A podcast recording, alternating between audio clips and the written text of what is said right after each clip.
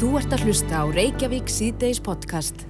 Reykjavík síðdeis, það eru margir sem að spá í útlitið Mhm. og uh, sömur vilja vera náttúrulega bara í nýjustu tískunni en svo er öðrum sem að hérna, geti ekki verið meira sama. Já, fólk skiptir svolítið í flokka en síðan finnst mér líka kannski algengara eh, svona síðustu ára að fólk velji svona aðeins sínir eiginleðir Já, en, en vissulega að það sé þegar- margt í gangi þá. Já, það er svolítið margt í gangi en síðan er alltaf svona einstakar hlutir sem að eru uh, í svona mjög móðins, ég held að allir úrlingar í dag séu í, í svona 66 norður úlpum til Já, dæmis einmitt, hefur þú farið í litgreiningu til dæmis? Nei, það hef ég ekki gert Nei, það ger Ég ég, gerir mér ekki svona grein fyrir alveg hvað það er nei, það ger ég einu sinni hjá önnu útlitinu, önnu Gunnarsdóttur, Anna er á línunu, komdu sæl. Hæ, Segðu nú aðeins. Þórdísi, hvað litgreining er? Já, litgreining er ekki eins og var einu sinni, vetur sem að voru haust og þá var fólk flokka niður og mátti svo ekki gera neitt nema þetta. Nú er tónalgreining og þeir eru kent að nota alla liti, hvað þeir gera, hver er hugsiðin, hvað gerir feita, granna, sparla og sportlega og hvernig tekur þau kannski það sem er núna í tísku og setur það með. En litgreining er aðalöf fyrir andlitið. Akkurat, þannig að þú ert að greina þá hvaða litir fara fólki vel kannski með tillit til auglit svona Já, auklutur 25%, hárið 25% og húð 50%. Já. Áhugavert Ég þarf að skella mér í svona En, en Anna, ástæðan fyrir því að við ringjum í þig er að þú ert með svolítið spennandi verkefni í gangi uh, í samvinnu við það ekki Rannís og uh, Háskólan í Reykjavík. Sko Ranni styrst okkur um 20 miljónir og Háskólinni Reykjavík sem sagt, er hluta af programminu og hann er með gerðugrindina og þar mögurum við setja sem sagt leitkanningu, fattastíl, fattasamsynningu í loftið og þarna fyrst og sinn þá verður það ókipis fyrir ykkur að greina ykkur og setja ykkur inn og þið verður að svara heðurlega. Ef þið gerir það ekki, þá veit ég ekki hvað gerist í fattaskónum ykkar. Nei. Þannig að uh, við erum að tala um, um greiningu, það er að segja þetta er svona rafræn stílistun eða maður orðaða þannig, uh, með, með gerfi, hjálp, gerfigreindar. Já. Gerðugreindin hún lesti og svo fer ég yfir hvort að sé rétt eða rátt og breyti. Mm Þannig að það er alltaf yfir fyrir allt sem hún gert til miður er ekki takt að gera sem er bara alltaf aðralegt. Það verður frábært ef það verður hægt.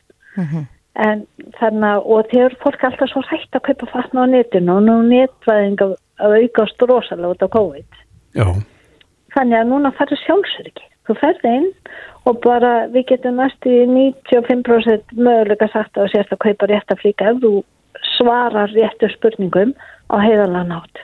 Og hverslega spurningar eru það? Hvaða spurningar eru það sem að þar- þarf að svara í upphafi? Fyr- Fyrst ferði í gegnum svona, þetta heitir repjútja sem er eins og kaktus. Þú veist, kaktus getur langur og mjór, kúlulega, stungir eða blómstra og þannig að þú greinir þér hvernig líkansbyggingin er, hvernig, hvað er veikleikin, styrkleikin, til dæmis mægi, rass, læri eða eitthvað, stuttur háls, langur háls, stótt blóst, lítið blóst eða eitthvað. Og svo ferðu og svo ferðu mynd af hárlit, auklit og húlit og merki það inn og þá eru komið með hvernig liti ótt að velja þér og svo áttu, svo fyrir við inn í fattaskapið inn og þá áttu að geta sett svo við byrja jakka og sagt, þegar ég ætla að fara núna á viðskiptfönd, hvaða skipstaði setja við? Við þennan jakka. Já. En getur þá- þú Ha? Getur þá nýtt fötin sem þú átt nú þegar í fataskapnum eða snýst þetta um að, að sko, velja hvað þú ætlar að kaupa? bæði. Þetta snýst nefnilega um bæði og við líka erum að sagt að eh, láta þau ekki vera alltaf að í eitthvað nýtt. Oft kaupir eitthvað hlut og notar hann bara einu sinna og veist ekki af hverju. Þá er það kannski bara litunum sem er vittlust eða sniðið. Þannig að þarna ég var los okkur við það og eins og vintegs að láta fötin ganga manna manni þú veist, þú sér strax neyðin og getur farið inn í þannig verslanir líka á netinu og keift alltaf rétt. Já, já. En þarftu að setja inn einhverja tölur í upphafi þar að þarftu að, að mæla, kannski mitti eða brjósti eða rass og læri? Ef, þú ert- ert í vanda og veist ekki að þú er spyrlaður og þýndir sérst allir neða mitti, þá eru við með svona mælikerfi sem þú gæti mælti til þess að fá staðfestu gáð og sérst gerði. Já, já. Þannig að það er komið inn. En, en er þetta kerfi, ég man nú eftir að þú varst að vinna í svona kerfi fyrir einhverjum árum síðan. Já, ég er alltaf að vinna við þetta þó svo ég sé ekki kannski mikið að auðvitað þetta lengur en þannig að já og þá fór ég heim til fólks og sagt, tók fattarskapin hjá þeim í gegn og svona og svo ég segi, af hverju gerir þetta ekki bara rannrænt? Akkurat. Og það er það sem búin að vera að vinna. Og við lansirum þessu sem sagt uh, stopnum fyrirtæki 2019 en vorum búin að vinna þessu vel 2018 og fórum inn í starfstabreykjaug og svo kom Rannis núna. Og þannig að, þannig að þetta er bara, við erum að fara inn í Indiegogo, það er svona föndur síðan.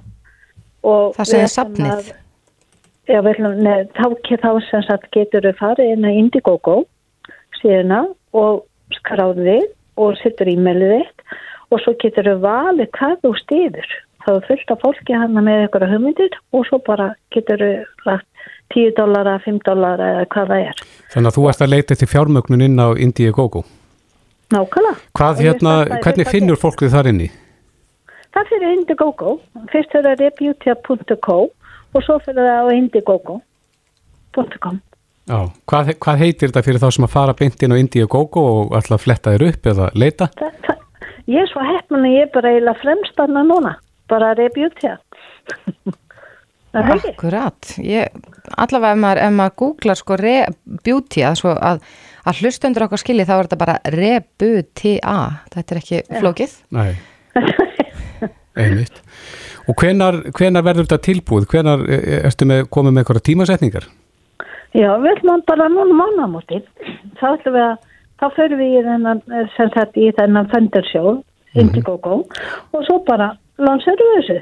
Já. Þetta er bara alltaf gerast. Og hvenna verður hægt að, að nota síðan uh, fórritu og prófa? Ég ætla að vona miðan desember að þú getur prófað þetta. Núna uh, næsta? Já. Já. Þetta er bara komið já. langt á veg, greinlega. Þetta er komið langt á veg, greinlega, já.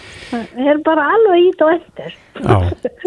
en Anna, hefur þið fundið fyrir svona, já, þörf fyrir þetta? Hefur, hefur fólk nálgast þig og, og já, líst yfir spennu sinni á sig?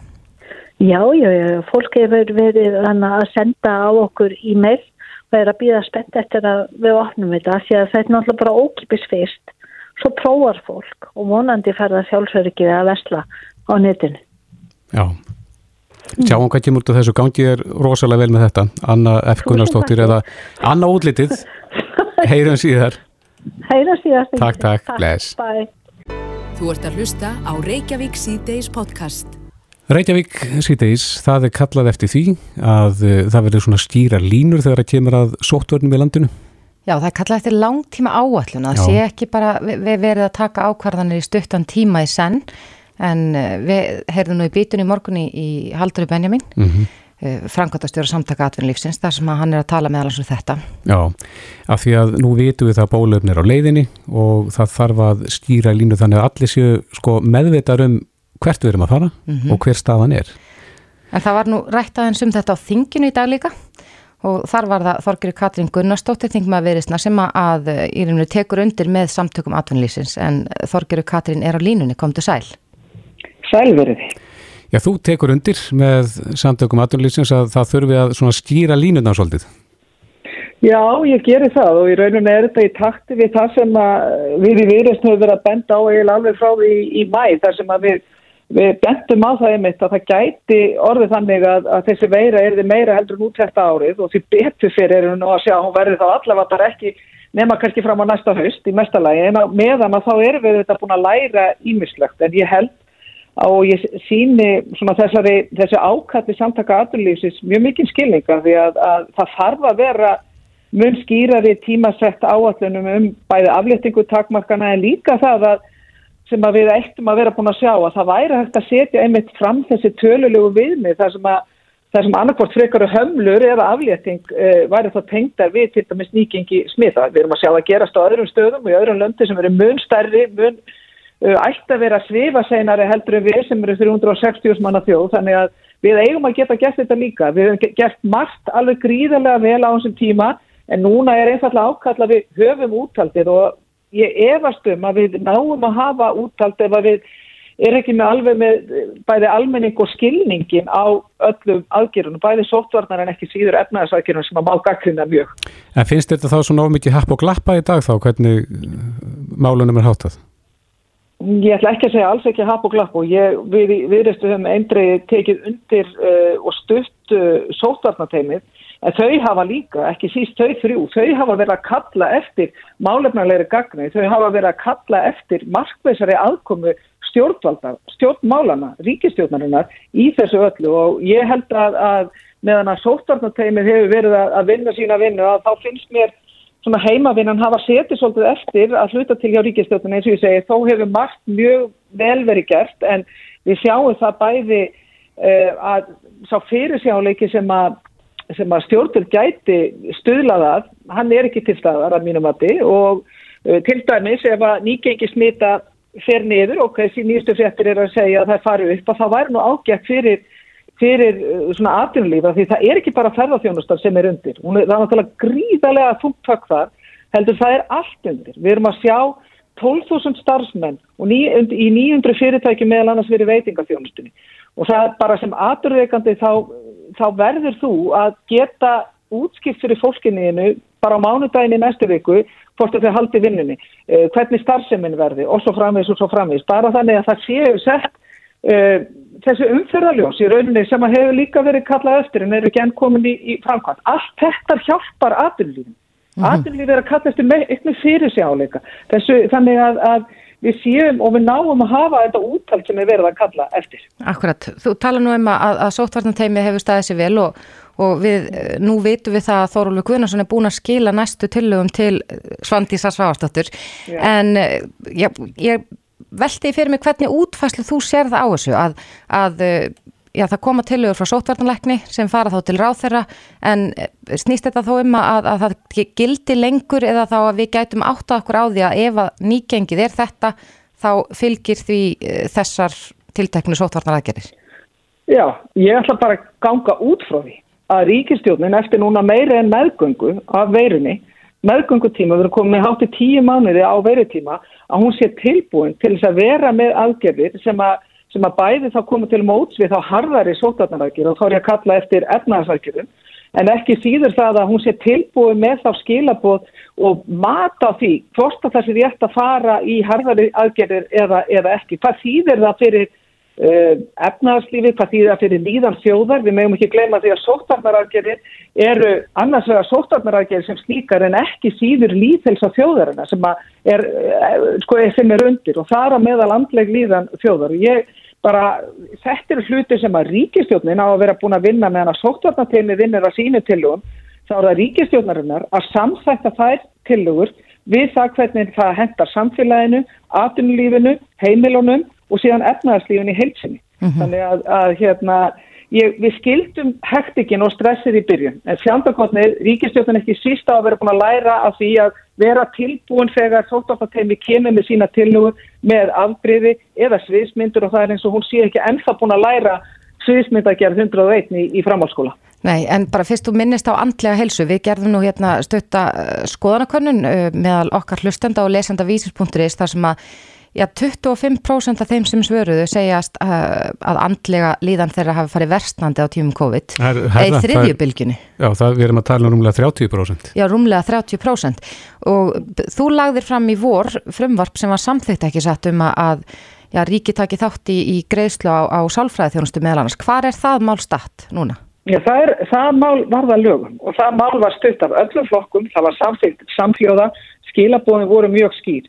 Ríkistjórnin verður að framfylgja lögum og veita sjúkratryggingum sviðurum til þess að semja meðal annars við sjálfstætt starfandi sálfræðing. Og það er með ólíkindu núna að upplifa það að það er træða í kjærfni, það er træða hjá helbriðisáþara, kannski út af því að þetta eru sjálfstætt starfandi sálfræðingar en ekki allt saman uh, ofinbyrri starfsmenn. Og það er træða hjá fjármálaráþara. Það voru fyrstu viðbröð hans gagvart málinu en hann dróð síðan í land og ég segi bara gott og vel, gerum þetta þá setjum og erðnamerkju fjárframlega tímabundið en verum og sínum eins og neitt fórsjálni þegar kemur að því að horfa fram á við. Og það er ákalluð það að það sé sérstaklega tekið utanum andlega líðan þjóða, það þýðir það og ég segi, alþingi er búin að standa sína plikt, alþingi samþýttir samfljóða mjög skýr skilabóti ríkisjóðarinnar, hún verður að taka bolta núna og koma með tilúru það hvernig hún ætlar að styðja við sjúkvæðbyggingar til þess að, að gera samninga við, við salfræðinga og aðra klínisk starfandi eh, sérfræðinga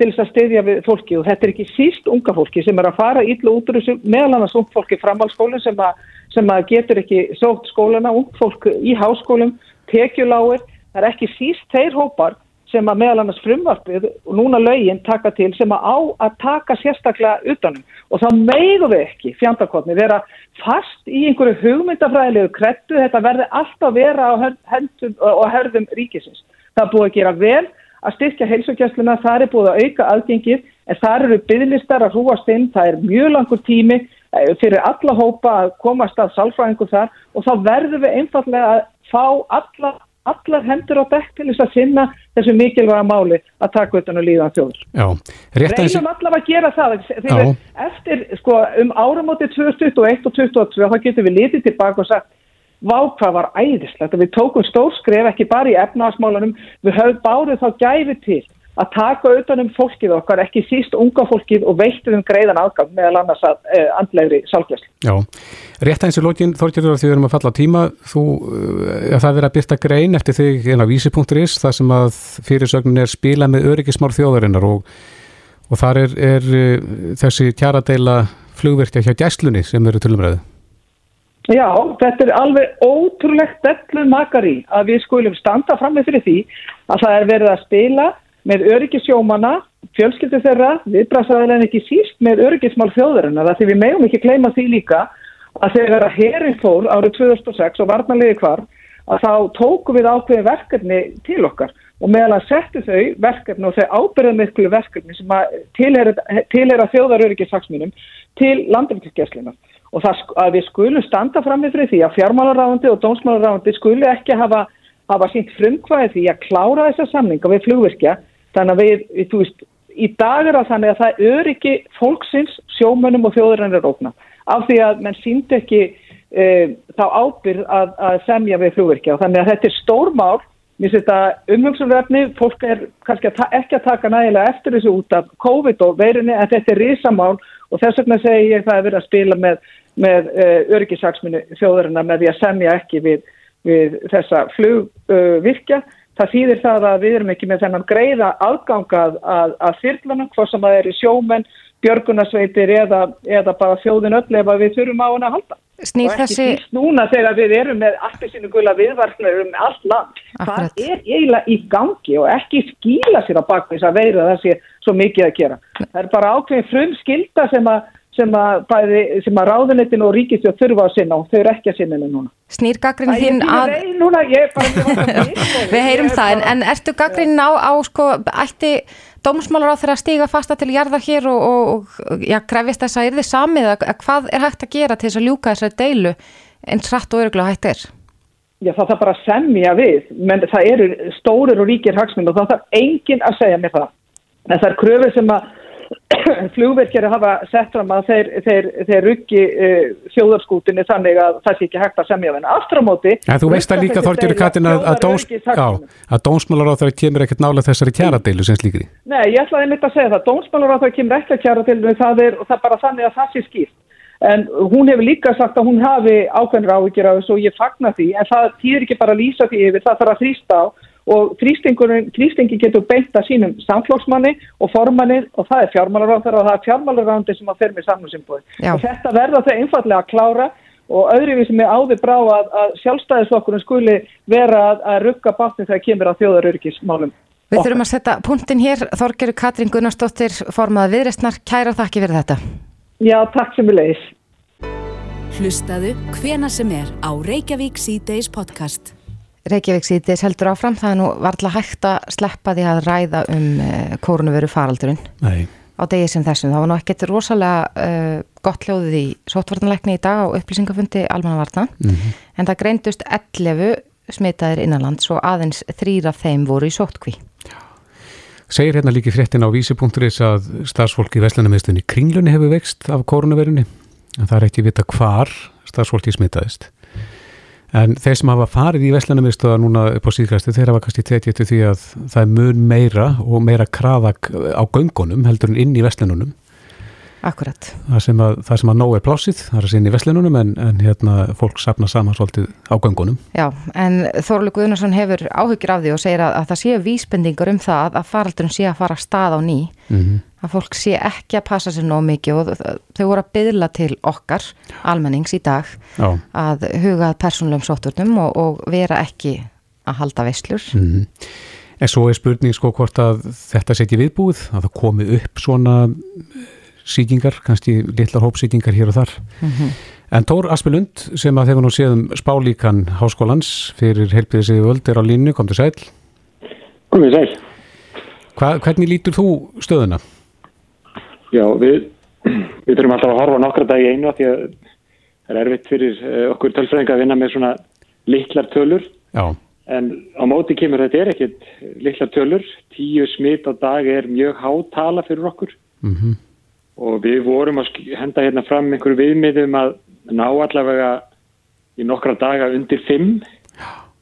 Til þess að meiga svona hugsa að við höfum náðu einhverju stað til að endur með þetta aðgerið. Mhm. Mm það, við erum ekki að ná að fara allar leið, þetta er búið að ganga mjög vel uh, tíumanna samkomu takmörkurinn, hún, maður sér það bara á tölunum hvað hún hefur skilað miklu síðan úr um miðjan november og við vorum á góðri leið að lenda þessu hérna bara núna um mánuðamótin en þetta eru ofmörg smitt með að við að, að við höfum alveg að ná að hlaupa í mark með þetta En er þetta ekki viðræðanlegt?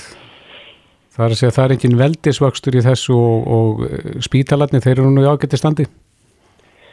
Já, það er þetta með sko bara, ef þetta, ef þetta færi að halda svona áfram í nokkra dagi viðbútt, segjum yfir helgina að það væri að dreifast svimitt með svipum hraða, þá mm -hmm. gæti þetta færið úr böndunum. Við erum bara að benda á það endilega. Svo bendum við líka á móti. Mm -hmm. Ef við náum að snúi þessu við, þá kannski kemur ekkert óvart og það verði einhverjar tölur svona á þessu róli inn í des en inn í desember en færi svo aftur þá vonandi lekkandi svona þegar nær eða fyrir að líða fyrir jólum. Akkurat. Þannig að það er alveg tækifær ennþá. En hver er smittstöðlinn á Íslandi núna? Já, nú er hann komið á yfir einn, hann er, það eru auðvitað öryggispil á þessu, maður bara muna það, íslenska tölur, það er, það er leif ekki mjög þröngt mat, hann er 1,5 en öryggispilið er alveg langt yfir það, alveg reyndar frá upp í fjóra alveg frá niður í 0,2 samt en svo horfum við líka bara frá annars bálíkan sem við byrtum á síðan okkar frá uh, London sem er á svipur rólu við með þetta og þar sínaði líka að þetta hefur verið að færa svona hægt og rólega upp menn hann má alveg vera fastur en undir einum, það er, allt, það, það er viðræðanlegt en, en ef hann er að skrýða hægt og rólega upp í reyð mm -hmm. það er það ætti að vera flagg viðurinn. Nú er eitthvað ekki að stefni rétt átt hjá okkur. Nei, undanfarnar svona, já, daga og vikur hefur nú verið talað um það að það sé alltaf réttri leið og ætli, ætli fólk farið þá bara ósjálfrátt að slaka aðeins á þessum persónlegu sótvörnum um leið og að heyrir að gangi vel og kannski heldur að veiran sé ekki eins mikil í dreifingu að það gæti útskýrt þessa fjölgun? Það, það er bara góð spurning og ég, ég svona Já, ég, ég, hrætt, ég er eitthvað hrettur um þetta en ég hef þetta ekki svar við þessu en, en það væri gaman að sjá einhverja mælingar um virkni fólks eða eitthvað svo leiðis, einhverja skoðanakannanir eða, eða úr símagögnum jafnvel eða væri hægt, mm -hmm. það væri fróðlegt. Hvenar kom þessi beigja? Það er að segja að það hefur verið talað um að þetta sé á niðurleið og, og góður í leið en hvenar kemur síðan beigjan?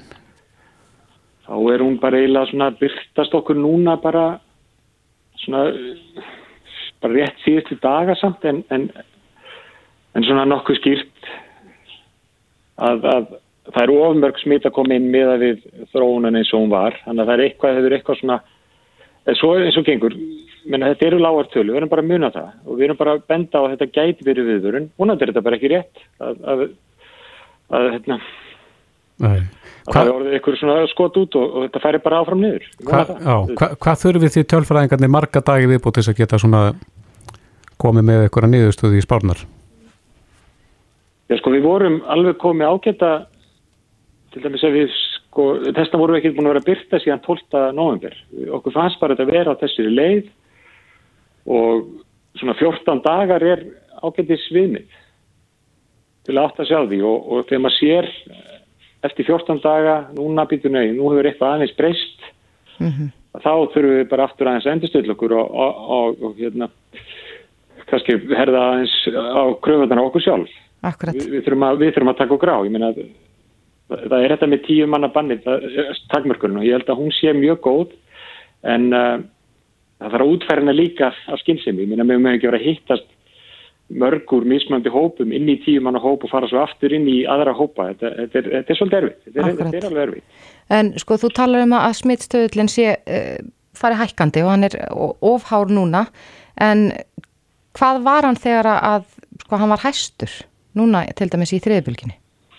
Já þá uh, voru þá náðu einstaklingar að, að dreifa smittunum mjög hratt.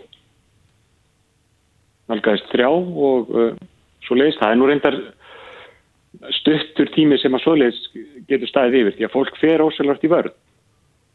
Og þess er svolítið sko öfugt að segja að aðgerið séu settar á þegar faraldurinn er á leiði niður. Það hefur ekkert verið þannig. Bara það er eðlið fólks að draga sig aðeins tilbaka, smiðstöðlinn byrjar aðeins að lækka en svo þarf að hafa aðgerið til að halda honum niður í. Mm -hmm. Það er það sem er erfitt að við hefum aldrei alveg náðunum niðri í nógu langan tíma. Af því að við höfum kannski ekki bara haldið þetta alveg út í miður. Nei.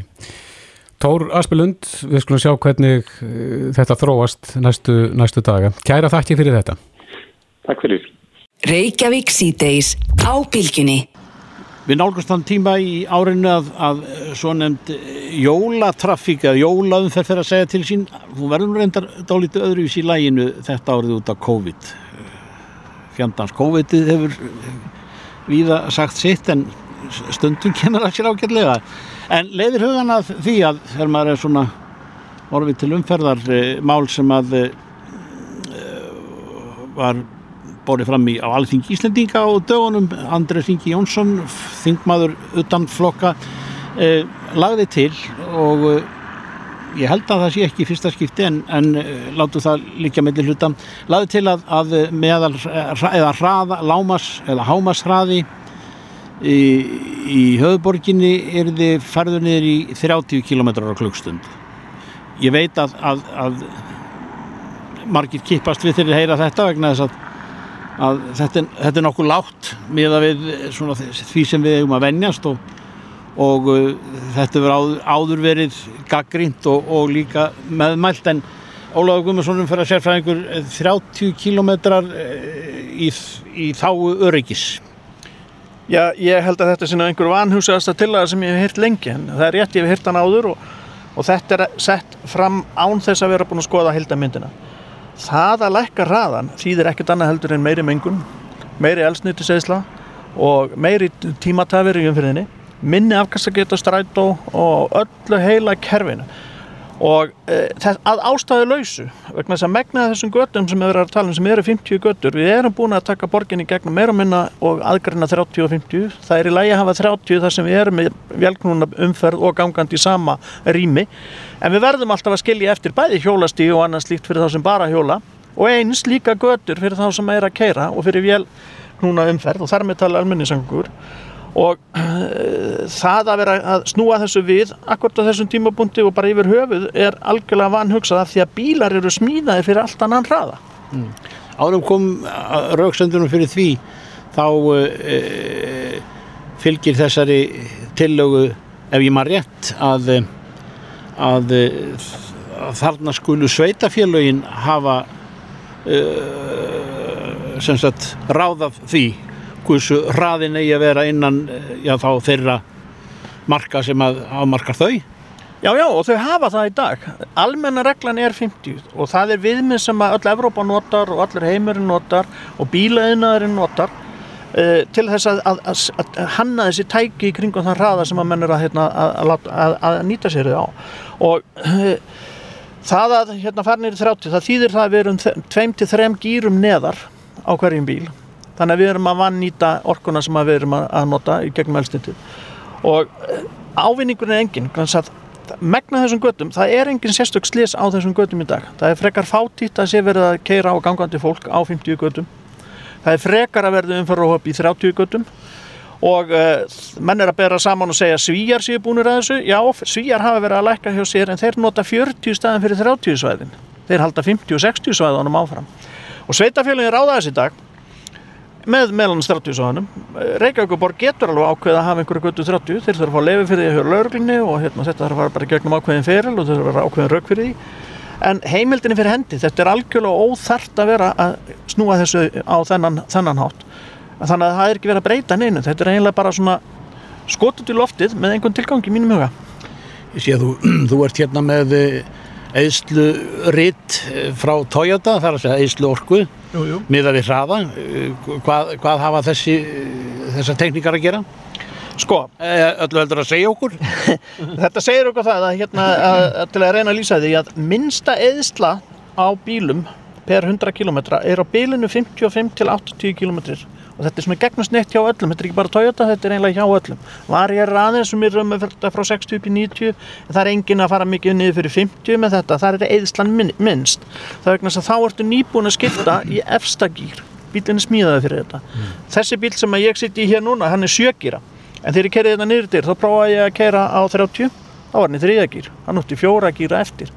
Sem þýðir það að vélinn er á þúsundsnúningum, cirka bát, og hún er að, að skila bílinu miklu fleiri hægar og færri kilómetra áfram heldur hann myndi gera ef ég væri í sjöndegir mm. og ef ég er að keira hægar og er þarna þess að þetta þrem fjórun gýrum neðar þá er eðslan samkvæmt þessari kurvu 30% meiri að keira á 30 heldur en ef ég er að keira á 55 til 80 mm. og það þýðir ekki bara það að ég eyði meira og er þar leiðandi að sóa fjármunum og gældiri með því að kaupa meira bensin heldur en þyrti, ég menga líka meira 30% meira Þannig að uh, ég er ekkert að frekar að keira fólk þó ég sé á 30 eða 50, ég hef ekki kert á gangandi mann á öllum mínum ferli. Ég keiri samt yfirlega alltaf á 50 og það gera flestir hér í kringum okkur og jú, slís gerast. Mm. En uh, gegnumsnetti við horfum á hildina, þá erum við að komast á milli staða á þennan hagkvæmesta mögulega hátt með því að vera með þetta á þessu hraðabili. Mm. Þannig að við erum þá að fórna því að fara að keira öll hérna 30, vera miklu lengur á ferðinni, eða miklu meiri peningum, menga miklu meira og slísinn þau breytist ekki nokkuð skapaðanlut. Þú þekkir vel til evróskrar umferðar um ára bil. Hver er þróun í, í svona almennt í umferðarhraðanum og þá innan borgarmarka, stóra borga og, og, og smerri? menn gera þetta tvennanhátt annars er að, að stýra hraðanum þess vegna erum við með 50 sem almenna reglurnar og 30 á mörgum stöðum þar sem við erum með umhverju þar sem við erum með gangand og agandi umferð í sama rými þegar menn fara hraðar þá þurfum menn að fara að vera með aðrar aðgerir eins og gangbrutir aðgreina gangandum ferð og velknún umferð við erum með 80 hérna í orðursbrekkunni þar er enga gangstéttir því að bílarnir eru fannar að kera það rætt og það er ekki einhver orðið örugt að vera með gangand og hjólandi umferð þar í kring. Þannig að við búum bara til rými fyrir gangand og, og hjólandi þar í kring. Hraðbröytir í Þýskalandi. Það er hraðin mestur. Hann er 100 eitthvað og jæfnvel meira en það er aldrei kert á gangandi mannar. Vegna sem menn eru búin að aðgreina gangandi og svona hraða umferð við vitum það bara verkfræðilega að það á ekki saman alveg á sama hátt eins og það bannaði að ganga á Reykjavíkuflugulli af því það eru flugular og það er fara svo rætt að ef ég verði fyrir henni þá stendur eftir ég. Þannig að við verðum að horfa á þetta annars verð út frá því rými sem við höfum. Ef, er, erum við með gangandi og agandum fyrir sama rými og þá þurfum við að hanna rými með við það og við gerum það. Mm. við erum hér að horfa á Söðurlandsbröndina það er girðing hérna á milli agrina það er 60 km hafnarsæði, akkur er girðing á milli agrina því við viljum ekki fólk hlaupi hérna við göttuna en það er hérna hins vegar gangbrutur og gangbruturlegu hérna báða með við okkur og brýr hérna ekkert langt fyrir neðan á hérna miklu brutinni að því við erum að búa til rými fyrir gangandi til þess að komast örugt yfir. Við erum að búa til samgöngur fyrir alla. Og það er það sem það er að gera. Það er að hanna þetta fyrir þarfir allra samgöngumáta. Og það er nú bara einu sinni þannig að meiri hlutin af íbúin Reykjavíkur og höfuborgarsæðinsins velur engabílin þetta er okkar samgöngumáti og við viljum fá frelsi til þess að nota hann og höfum rétt til þess að nota hann en á sama tíma viljum við ekki vera að skada einhver aðra og það á bæði við um öryggi og mengun. Ólaug Guðmundsson, takk fyrir þetta. Takk sem leiðis. Þetta er Reykjavík C-Days podcast. Reykjavík C-Days, málefni ferðarþjónustunar og flugfélaga hafa verið mikið umræðinu eh, upp á síkastið. Já, við heyrðum nú að því gæra að við myndum mögulega að sjá orkurskipti í innanlandsflugi já, fyrir nokkuð grunar. Já, það var... Það er svona eitt af því sem að, að er að gerast. Einmitt, þú var eitt á þingi meðal annars og, og þingi er að fjallum og segja að það myndi nú stíla miklum sparnaði en, en við heyrum líka að það sé verið að strömlínulaga reksturinn og Æsla, er Æsland Connect sem hefur nú séð um innanlandsluta í Æsland er grúpp í tjæðjunni við heyrum að það sé að, að renna beint undir Æsland er og verður rauninu þá innanlandstild innan Æsland er á línunni er Bói Níls Bóarsson fórstjóri Æsland er, kom til sæl komið sæl. Eh, er, er svo vinna í gangi þar að segja að, að eh, samtvinna þetta? Við hefum verið í verkefninu í langa tíma að, að hérna, strömlinulega og einfaldar ekstur æslandi grúp og uh, innan náttúru og millinandaflugi erum við bæðið þar innan, innan okkar samstáðu og við erum að reyka bæðið þessi fyrirtæki. Og fyrir svona árið síðan þá fórum við stefnumótanarvinnu og greiningavinnu og þá var niðurstaðan að innan náttúru og fluti Grænlands hluti af okkur kjarnastarfsemi til framtíðar. Og uh, kannski má segja að Æslandi grúp hafi verið meira svona eignarhaldsfélag hérna fyrir einhverjum árum síðan. Og verið við bara svona rekstra félag og rekstra samstæða og viljum reyka fyrirtækin okkar og reyka þetta fyrirtækin sem vel og við getum. Og það er kannski ekkert sérstaklega skynsalegt að vera með tvö flugfélag hérna sýttur um eigin við flugbreytina og vera með uh, tvö sett upp á ímsu uh, Eh, bókunarkerfum og eh, stóðeiningum þannig að við erum eins og að við byrju að eh, strömlinulega og einfaldar eksturinn og samþætta það sem hægt er að samþætta í þessari starfsum. Mm -hmm. Munum við þá... Þetta er stort verkefni sem við erum bara vinna í og, og það líkur ekkert endanlega fyrir hvernig liðstæða verður. Nei, verður þá þannig að í nánustu framtíð mögulega þá munum við bara bóka flug til þess að, að fljúa kannski á eilstað eða akkurýri í gegnum Æslandir, þannig að er Æsland Connect sem slikt vörumerki verður ekki til lengur eða hvað? Mögulega, en það liggur ekki fyrir. Þetta er einn af erum að skoða í átta einföldum uh, og saman að bókunarkerfi, bókunarkerfi og þess aftar er, er flókið í flugreikstri og uh, það er, getur verið áhægulegt að vera með tvö bókunarkerfi eins og erum með núna. Það er bókunarkerfi Æslandir og svo annar hér er Æsland Connect og við náum eitthvað saman finna þau nægilega vel og hugsaðlega með því að samina bókunarkerfin og vörum ekki líka. Að það náu að styrkja tekjugrunn, þetta syns ekki bara um kostnaf, þetta syns líka um að styrkja tekjugrunn begja eininga, begja leiðakerfa, bæðið innanlands flugsins og, og myndinandaflugsins, að við séum þá tengja innanlandskerfið við myndinandaflugi, betur þetta um að gera í dag. Þannig að þetta snýst bæðum að styrkja tekjugrunnin og og læsta kostnaða einfalda en uh, niðurstaðan liggur ekki fyrir, þetta er eitthvað sem við erum að skoða. Þetta er, þú veit að hljóma einsast þá er þetta nokkuð flókið og, og þessi vinna er bara í gangi. Já, þannig að í framtíðinu þá má búast við því að uh, það sem heitir í dag er Æsland Connect að það verði bara innanlandstild Æslandir. Það getur verið, eins og ég segi, ég legg áherslu að þetta liggur ekki fyrir, þetta er eitthvað sem við erum að skoða. Og það getur að verið að þetta verði niðurstaðan ef að ef við sjáum ekki stjórnstofar hindaranir á þeirri leið en það likur ekki fyrir þessu stíki en það, það getur alveg verið að við verðum bara meitt vörumerki í flugreistri á eftir einhver tíma. Já, en þeir eru komin einhverja langlegin í þessu þætti að það sem að uh, það er engin framkvæmdastjóri lengur yfir er Æsland Connect? Já, við höfum verið og hófum það vinnu síðasta vettur uh, að samtækta það sem við getum við erum í samtækt á þess að samina félugin algjörlega og samina vörumerki þannig að við erum búin að þakka stjórnvöndum og saman að deildir og þannig að það er engin uh, eh, fræðilsjóri lengur, Átni Gunnarsson var hafna fræðilsjóri lengi og er sér frábæðlega og er að vinna stýra öðru fyrirtækinu um okkar samskvæðu í dag. Þannig að það er að það er engin fræðilsjóri yfir innanlandsbyggjum og, og, og grænlandsbyggjum í dag. Sjáu þið fyrir ykkur einhverja breytingar á flótanum verður enn, já svona, ég veit að þetta er nú allt í, allt í vinslu en, en sjáu þið fyrir ykkur að bombardýrvélarnar verður enn að fljúa innanlands og, og þær þóttur sem eru með fyrir millilandaflugið áfram á milli landa en ekki hér innanlands? Það er mjög ekki fljú einanlands, eh, þóttunar mjög ekki fljú einanlands, eh, við mjög nota bombardnívilannar á næstu misserum en flótamál er alltaf til eh, skoðanar hjá okkur og og ekki sístu millilandaflugin eins og þau komið fram við þurfum að fara að finna vel sem að teku við af 757-vinir okkar. En í, í innanlandsfluginu er ekki að fara að gera hérna, stokkuslega breytingar í flótamálum allra næstu árum. Nei Aðeins að það sem við nefndum hérna í upphafi orkustifti, það er nú byrjað að ræða þetta á, á þingi og það er talað um að þetta myndi hafi för með sig gríðanlega sparnað. Hva, hvað er flugfélagi komið langt í, í þeim pælingum? Við höfum verið í samstarfi, norðanir samstarfi sem er að, í, í tegnslu þróunaverkefni á þessu sviði og þetta er mjög spennandi verkefni okkar mati og Ísland getur algjörlega smelt passa fyrir, fyrir vélar þar sem erum með þessi orkuskipti og ég vil bara reyna ramagsvélar og uh, við leggjum okkur mikla áherslu á umhverfismál hjá okkar samstæðu og þetta er partur af því, við erum að vera uh, hlutið þessu strónaverkefni nú í nokkur tíma og þetta er mjög spennandi okkar mati en tekur það sjálfsögðu eitthvað tíma. Eru þessar rafvélar, eru þær til nú þegar?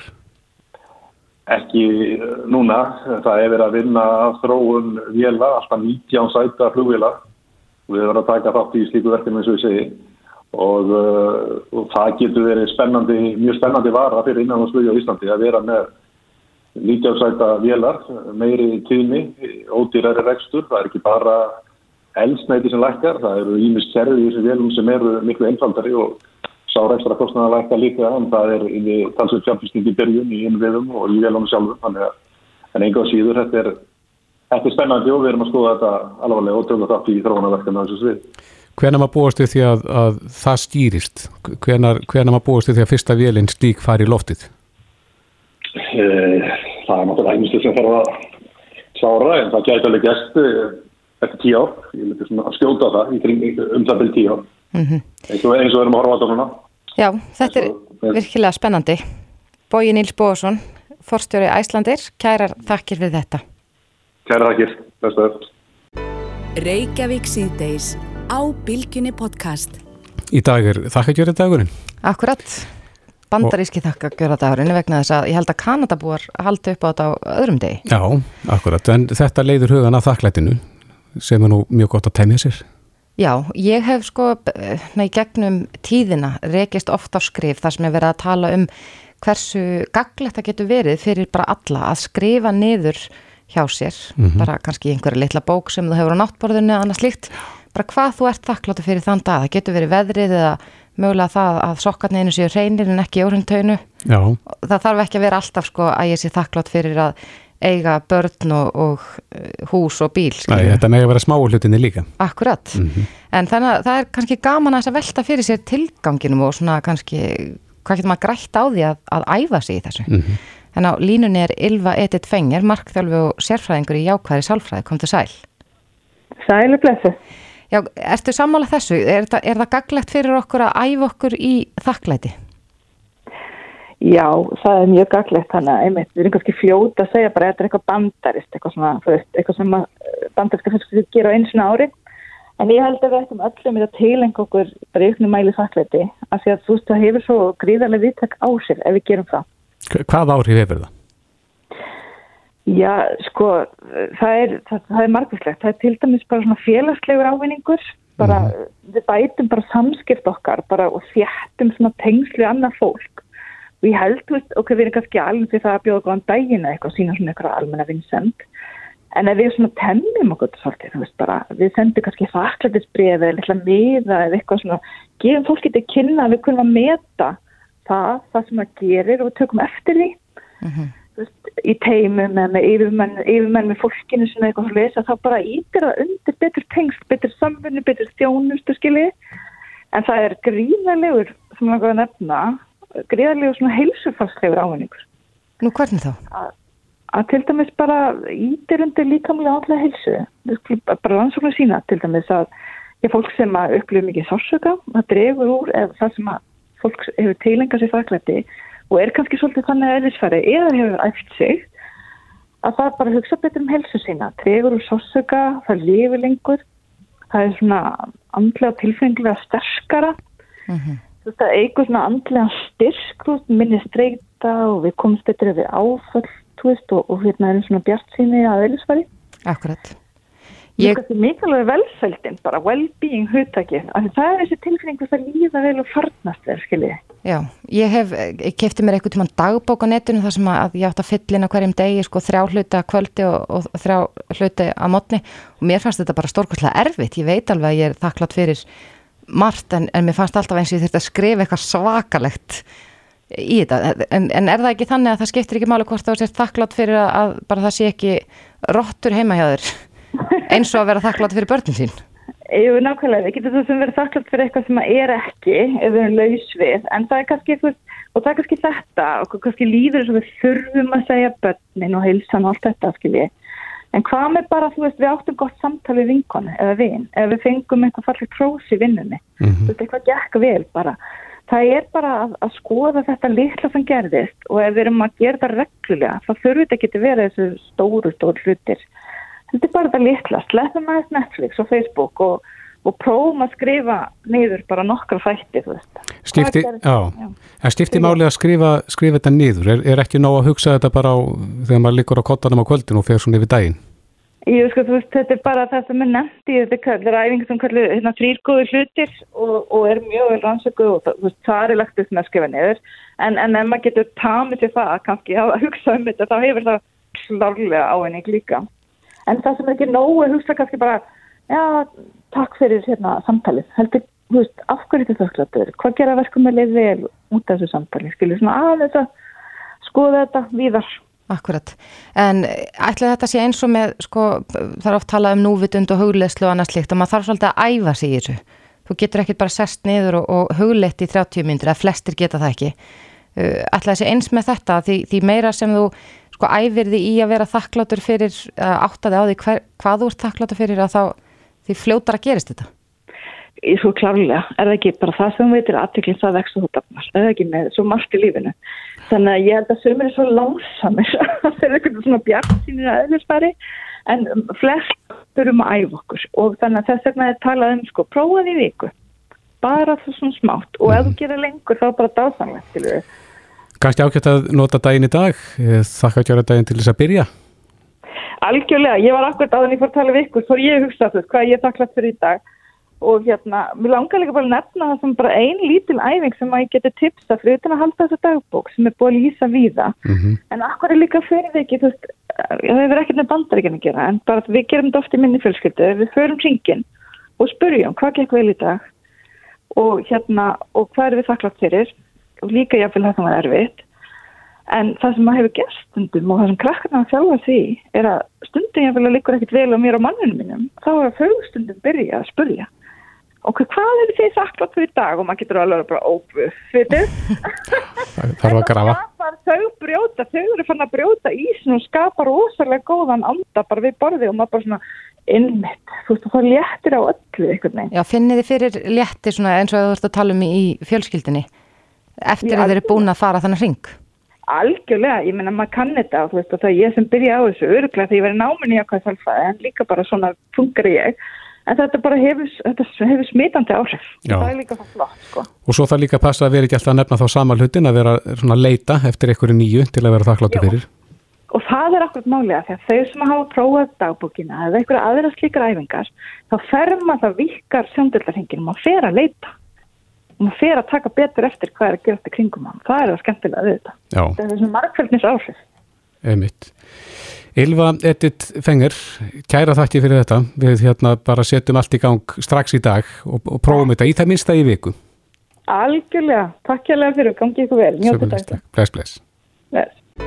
Reykjavík síðdeis á Bilginni podcast. Það er margt öðruvísi varðandi aðrænda jóla í áren fyrir ára við vitum all út af hverju það er, það er COVID.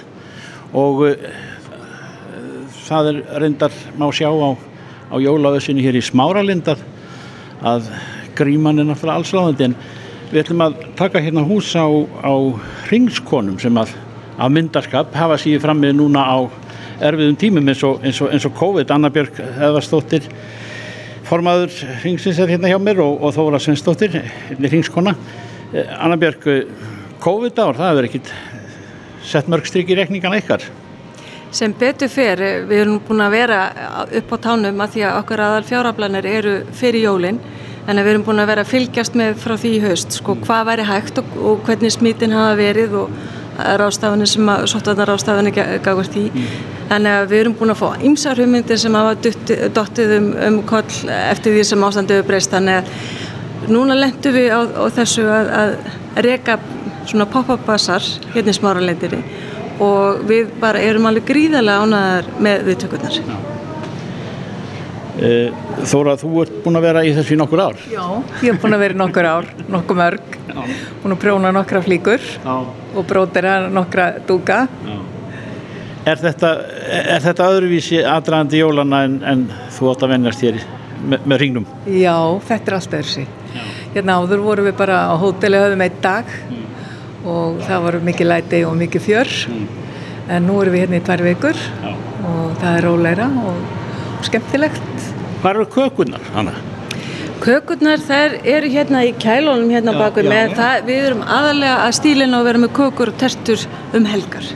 Þannig á morgun þá fyllist allt og helgin verður alveg bara rjómasprautuð og, og, og marins bylgja hérna hjá okkur. Já. Já.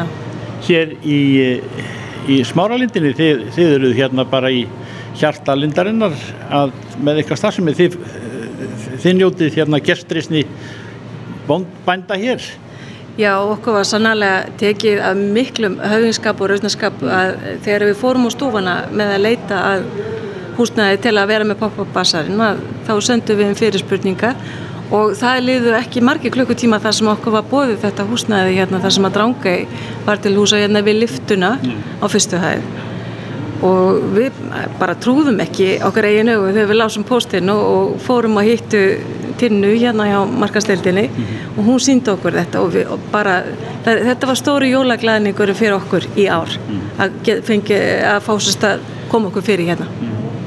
Þið hafið látið margt gott af ykkur leiða þegar við erum að tala um uh, börnin, lesu börnin. Barnaspítalið þingsins er til merki sem það og stór, stórt merki það.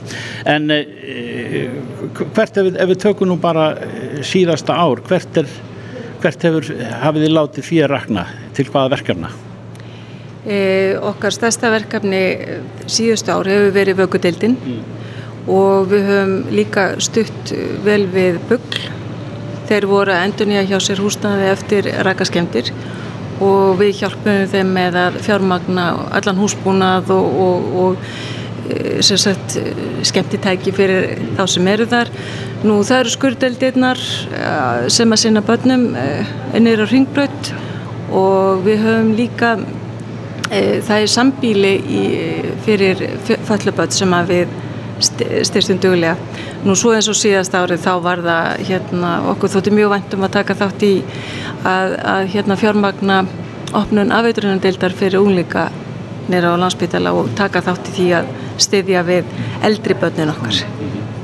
Hvað er þetta maður strykar undir og leggur saman? Hvað, hvað, hvað er þetta mikið af, mikið, mikið af penningum? Í ár er það komnar yfir 30 miljónir og við um enn eftir að afgreða nokkra 10 miljóna. Það er svona rýður á að gangi vel núna. En á síðasta árið þá voru það 61 miljón og árið þar árið voru það 97. Þannig að þetta eru nokkra krónur og nokkra líkjur sem þarf að prjóna og tertur að baka. Já, já, þetta er magnað en, en á morgun er svartur festu dagur og, og byrju, heldur að ná hingað. nei, en, en harmonera það saman terturna sem ég, mér finnst svo rosalega góðar. Og, og, og svo fatnaðurinn og, og föndrið allt sem að því að þið látið að hendi regna Já, er það ekki? Það passa bara vel. Já, þetta, þetta hefur alltaf verið aðalsmerki okkar hingskvenna það er, það er handavinna og það er kukur selja merki og spjöld og kort og, já, og jólakort og allavega þannig að og svo náttúrulega má ekki gleyma veitingastofun okkar nýra Barnaspítala, hún er líka að leggja okkur til hingað með flotta matnum sem að Helga Móinsen og, og hann Kristján Hjaltist er að elda þar. Þannig að það verður líka til sölu hérna. Já, Já ég ætla ekki að tefja ykkur lengur en, en höfum ekki maður á því að að ringurinn er hérna í miðri smáralindinni og, og það er vona á hólskjöflum hér af, af mannskap í, í jólaönnum, hefum við getur sagt, sem eru fyrir á ferðin í ára og ég segi bara gangi ykkur vel. Takk fyrir og takk fyrir komuna. Takk fyrir. Þetta er Reykjavík C-Days podcast.